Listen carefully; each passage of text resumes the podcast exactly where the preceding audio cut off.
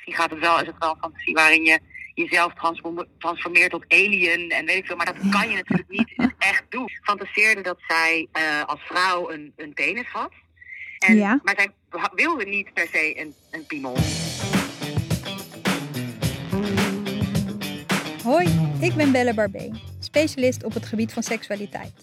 Je kent me misschien van mijn optredens bij het programma Spuiten en Slikken en anders van mijn boek Ik en Seks. In deze podcast beantwoord ik elke week een prangende vraag van luisteraars.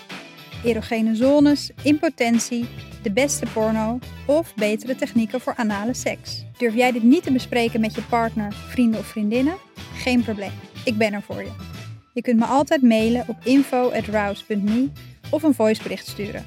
Kijk voor het nummer in de show notes. Goed om te weten trouwens, als we het in deze podcast hebben over mannen en vrouwen, dan bedoelen we iedereen die zich zo identificeert. Met non-binaire personen bedoelen we hen die zich niet als man of vrouw identificeren. Deze podcast wordt mede mogelijk gemaakt door Rouse.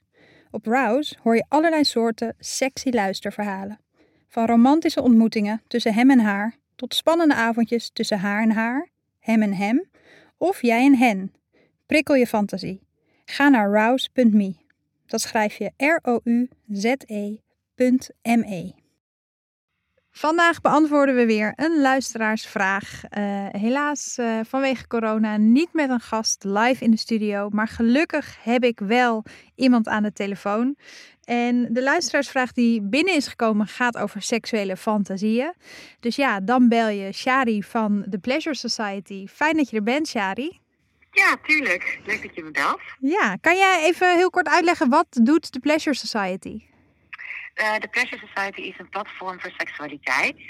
En eh, het is eigenlijk begonnen ehm, als plek waar ik verhalen wilde vertellen over of van verschillende mensen, waarin zij hun eigen kijk op hun seksualiteit deelden.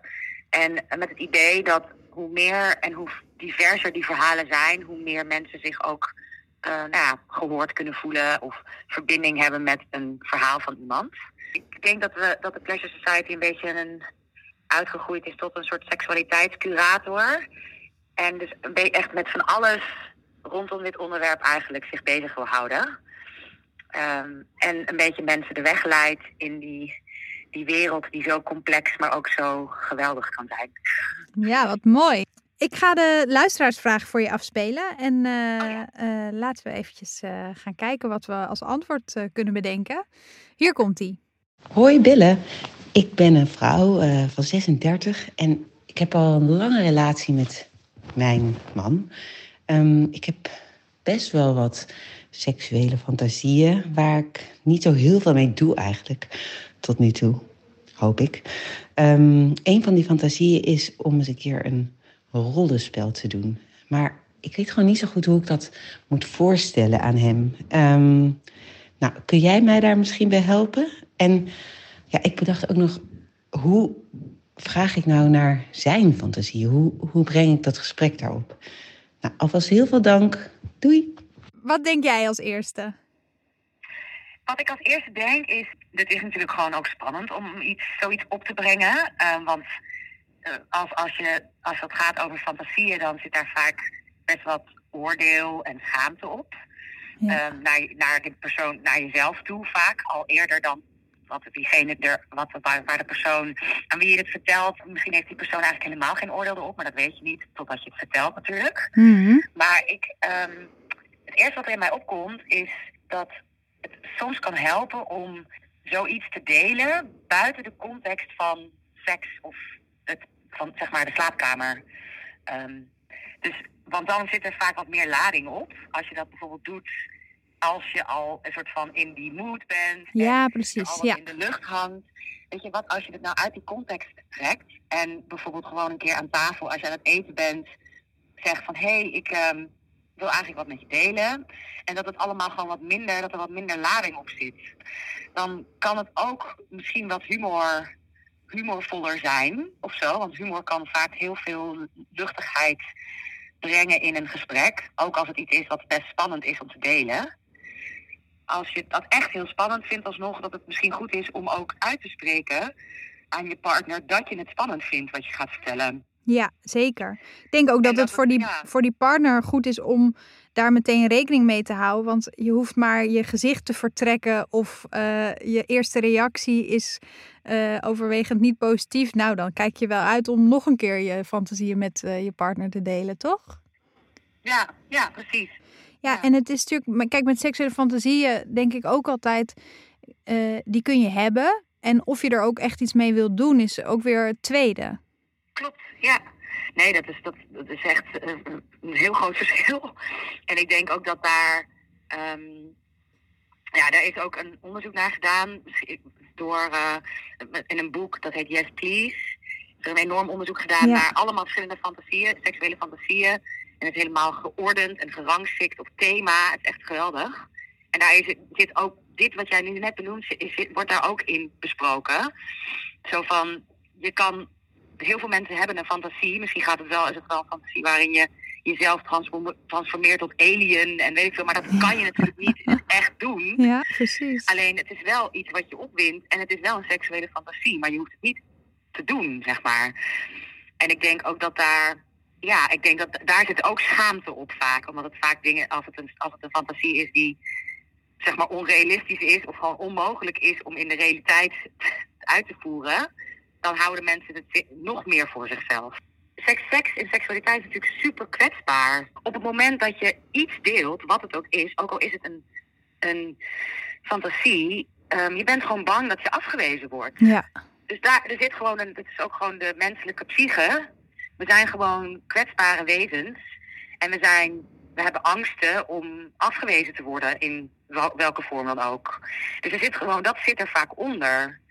En het, dan, heeft, dan heeft het misschien niet eens te maken met die fantasie zelf, maar is het gewoon meer van ik wil gewoon niet dat mijn partner in dit geval mij afwijst. Terwijl dat misschien helemaal niet het geval is, maar zo kan het wel eh, ervaren worden. ja, dus dat is dan bijna een goede disclaimer om gewoon aan het begin van zo'n gesprek te zeggen: Ik ga je nu iets vertellen en ik ben ontzettend bang dat je me hierom gaat afwijzen of dat je het niet leuk gaat vinden of dat je dat eigenlijk al meegeeft aan je partner voordat je dan vertelt wat het is. Nou, die, Ja, die partner zit dan denk ik ook op het puntje van zijn stoel, van haar stoel. Ja, ja. En in het eh, eh, Yes Please boek, eh, want je had het over, hè, dat wordt dan gecategoriseerd in Ja. bepaalde groepen fantasieën. Weet jij wat voor een categorieën zijn er allemaal? Oh.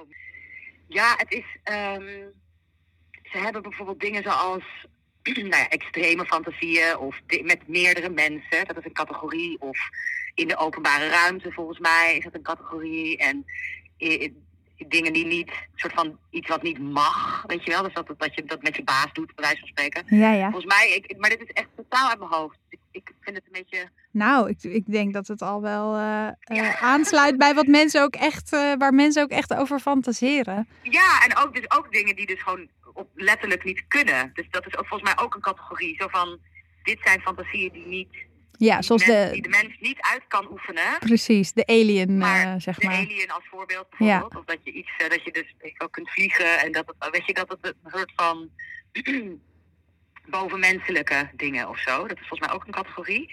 En ik, het is leuk, want soms sla ik het boek open en dan.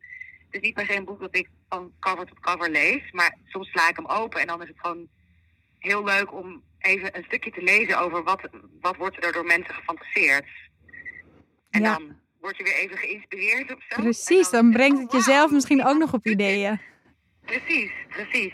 Er is ook een categorie. Er is wel ooit een keer iemand geweest die ik heb gesproken, eh nou, vind ik meer vanuit de Pleasure Society, die fantaseerde dat zij eh, als vrouw een, een penis had. En, Ja. Maar zij wilde niet per se een, een piemel, weet je wel. Zij wilde, ze, maar ze fantaseerde er wel over, of ze fantaseerde dat ze ook van een ander geslacht zou kunnen hebben. Maar het is niet dat ze dat echt wilde. Maar ik denk Ja. ook dat dat, dat dat soms die schaamte met zich meebrengt. Hè? Dat, je de, dat je ook bij jezelf kan denken van... oh, dit is mijn fantasie, dus dat wil ik blijkbaar. Dus dat het ook voor jezelf al een goede realisatie is... dat eh, het niet betekent dat omdat je daarover fantaseert... dat je het dus zelf wil. Dat dat niet eens iets is wat je zeg maar, zou moeten uitleggen aan je partner... maar dat het ook al voor jezelf een geruststelling kan zijn... van je, je mag je fantasieën zo gek en zo wild maken als je maar kan bedenken. En dat wil dan nog niet zeggen dat je dat in de praktijk ook echt zou willen. En dat is ook oké. Zeker weten. En ik denk ook wel, wat ik ook wel weer mee zou kunnen geven aan dat je deze persoon wil delen met, met een partner. Ehm, dus, en dat is prachtig als je dat kan doen. Maar ik denk dat een fantasie, wat die fantasie ook is, is natuurlijk eigenlijk het meest. Daar heeft echt niemand iets over te zeggen eigenlijk. Nee. Allemaal zo van, het is echt helemaal van jou. En je kan hem delen met iemand, maar het is niet per se. Het hoeft niet. Het hoeft niet. En ook, ja, het kan ook iets heel ontwapenend zijn om dat gewoon helemaal voor jezelf te houden. Oké, stel nou dat je het wel wil delen eh, met je partner of je wil onderzoeken wat eh, jou of die anders zijn eh, fantasieën zijn. Is er dan nog een leuke speelse manier om dat te doen? Ja, dat kan, dat, dat, we hebben dus met Pleasure Society net een eigen product gelanceerd. En dat zijn de Pleasure Cards. Ehm, en dat is een, een kaartenspel met wie, waarmee je je seksualiteit kunt onderzoeken of ontdekken. Ehm, en Ja. dat kan je doen met je partner, maar dat zou je ook kunnen doen met een groep vrienden. Het zou zelfs met je familie kunnen, denk ik. Ik heb echt al meerdere mensen gehoord die het op, in verschillende formaties hebben gespeeld. Oh, dat is nog een leuk idee voor de feestdagen en eh, Ja, zeker. Vakantie. ja. en wat voor soort vragen zitten er dan bij? Kan je daar een greep uit eh, doen? Eh, het eerste level is eh, eh, orientation and beliefs. Dus dat, gaat, dat zijn vragen die gericht zijn op, oké, wat voor, waar geloof je, wat, wat is jouw, jouw kijk op seks en seksualiteit? Hoe ben je opgegroeid of opgevoed? Ja. Wat heb je van huis uit meegekregen?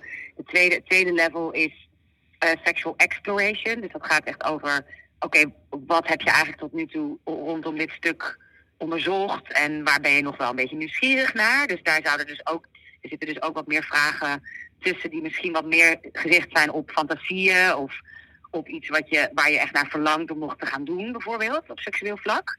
Ja. En de derde ronde hebben we Visit to the Dark Room genoemd.